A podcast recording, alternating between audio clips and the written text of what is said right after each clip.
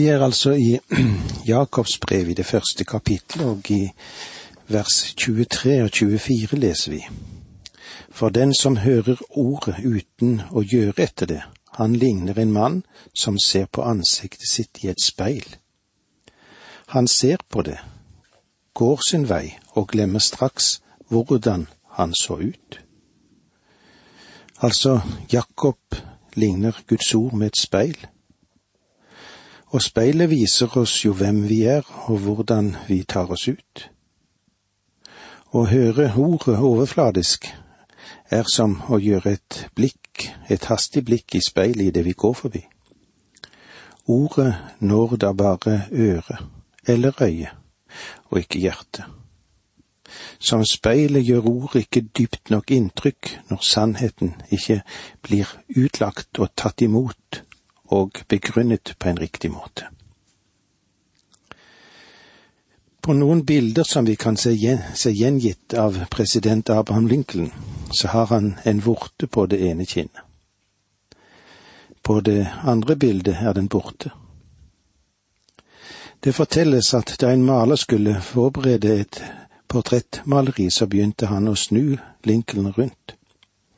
Han sa, President, vil du være snill og sitte her? Deretter flyttet kunstneren sitt staffeli og dreide på Lincoln igjen.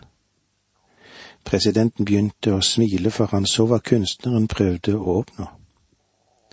Han prøvde å finne en gunstig posisjon der Lincolns vorte ikke ville være synlig. Til slutt var kunstneren fornøyd og spurte presidenten. President Lincoln, hvordan vil du at jeg skal male deg? Lincoln svarte, mal meg slik jeg er, vorten og alt sammen.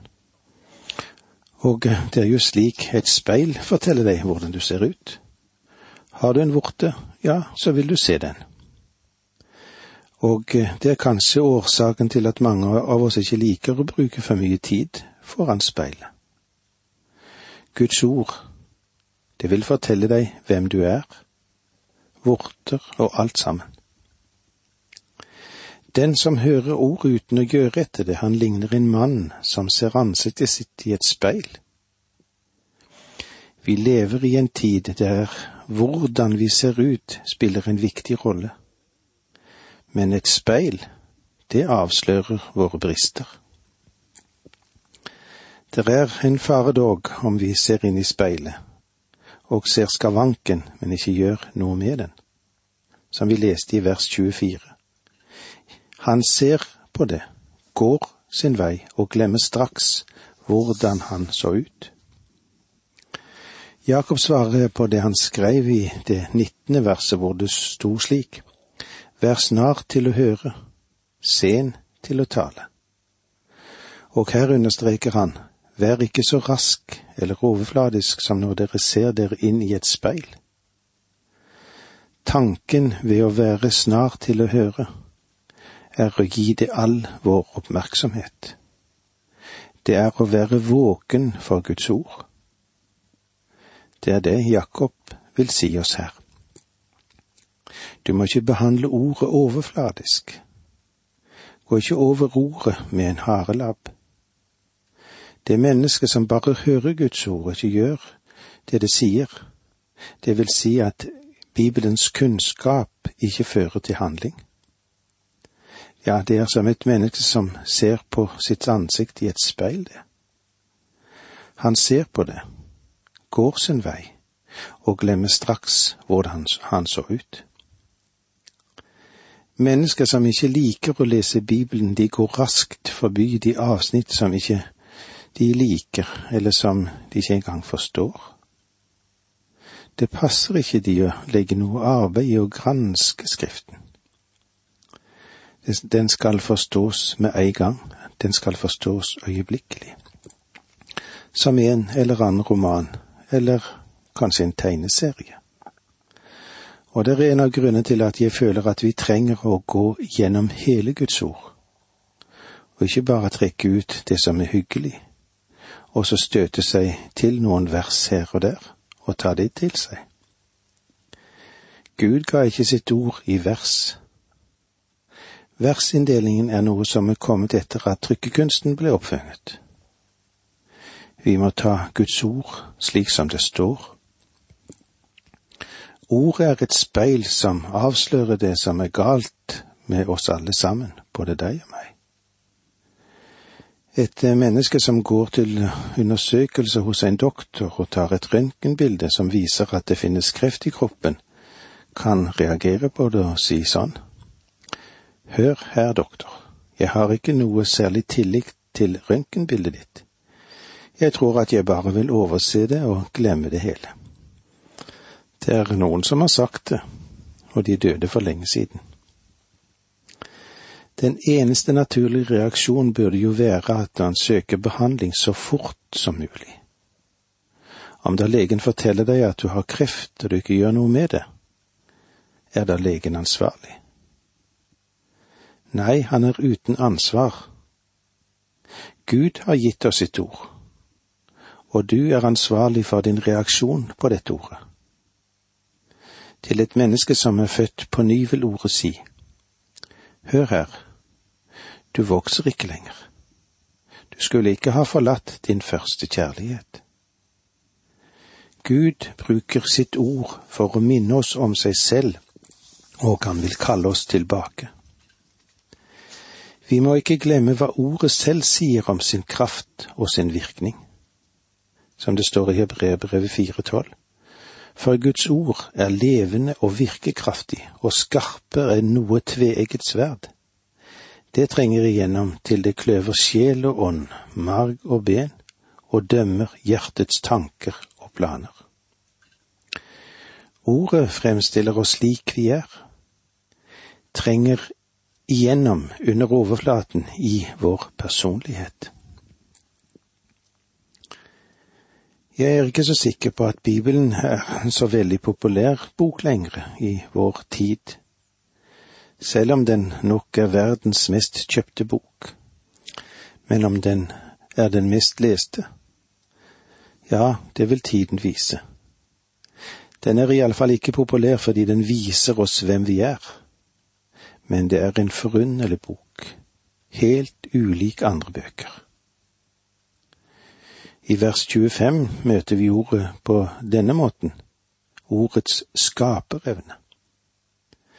Men den som ser inn i frihetens fullkomne lov og fortsetter med det, han blir ikke en glemsom hører, men en gjerningens gjører. Han skal være lykkelig i sin gjerning ser. Det betyr her å se med oppmerksomhet, gjennomtrengende. Frihetens fullkomne lov. Det er ikke Moseloven. Det er nådens lov. Jakob taler ikke her om loven på samme måte som Paulus taler om den. Når Paulus taler om lov, taler han om Moseloven. Når Jakob taler om lov, så er det troens lov. Det er kjærlighet i loven i Det gamle testamentet, og det er lov i kjærligheten i Det nye testamentet. Skal vi ta det en gang til? Det er kjærlighet i loven i Det gamle testamentet, og det er lov i kjærligheten i Det nye testamentet. Johannes 8, 36 Får Sønnen frigjort dere, da blir dere virkelig fri. Men Herren sa det også slik i kapittel 14. Dersom dere elsker meg, holder dere mine bud. Og Paulus sa det slik i Galaterbrevet. Ber hverandres byrder og oppfyll på den måten Kristi lov. Hvilken lov? Kristi lov. Og Johannes sier i sitt første brev, å elske Gud er å holde Hans bud. Det er aldri nok å bare lese Guds ord. Nei, Guds ord må trenge dypt inn i oss. Guds ord må ta bolig i oss som det aller helligste i helligdommen, slik at vi ikke synder i tanker, ord eller gjerninger. Guds ord må bli en del av vår tenkning hvis det skal få makt til å veilede oss. Og med disse ordene sier vi takk for nå må Gud være med deg. Dette undervisningsprogrammet består av to deler. Åge Nevland fortsetter nå med andre del av dagens undervisning. Vi er i Jakobs brev i det første kapitlet, og eh, vi ser på hvordan ordet har en skaperevne som er unik. I vers 25 i det første kapittel leser vi slik.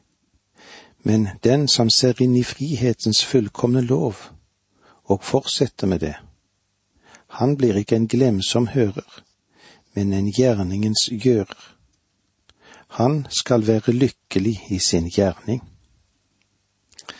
Ser betyr å se med oppmerksomhet og være gjennomtrengende. Når du kjører nedover en gate, så vil du se at det er mye trafikk der, og du vil også se at det er fullt av lover. Om du ønsker frihet til å kjøre ned denne veien, så er det best at du passer på at du følger lovene. Der er frihet i Kristus, og det er den eneste sanne frihet som finnes.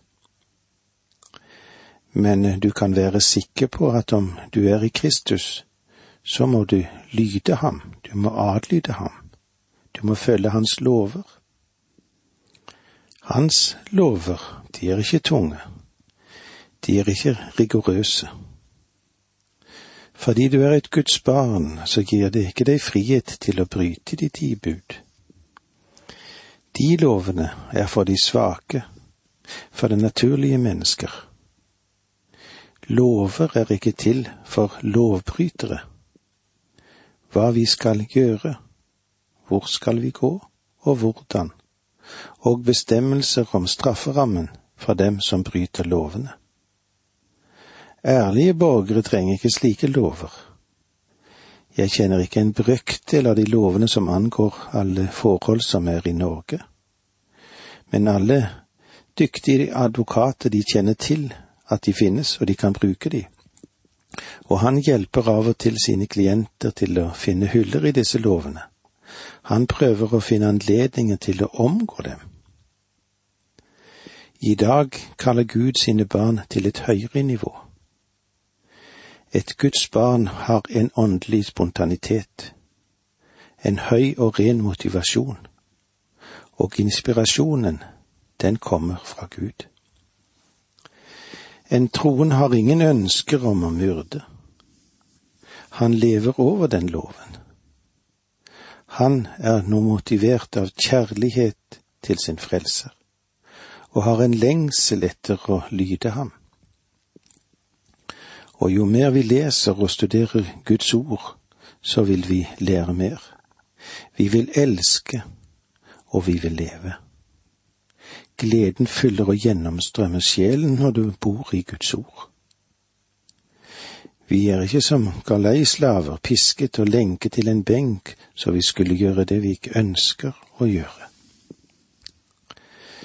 Du og jeg trenger ikke å kjenne til alle lovene i vårt samfunn men vi trenger å kjenne til Guds ord om vi skal leve for ham.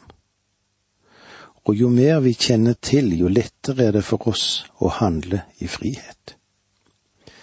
Det er for mange som stiller seg likegyldige til Guds ord, og skaper sin egen standard med det resultatet at veksten hemmer eller helt uteblir i det åndelige liv.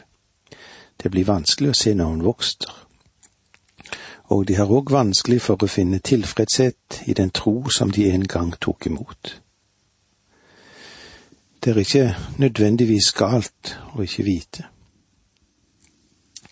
Jeg kunne ikke skille A fra B da jeg ble født. Jeg kunne ikke engang gå eller snakke. Jeg var i en hjelpeløs forfatning, men jeg ble ikke værende i den forfatningen og det gjorde heller ikke du. Det er ikke galt å være uvitende når du blir født, eller ikke åndelig, men det er galt om du blir værende i det stadiet om du er et Guds barn.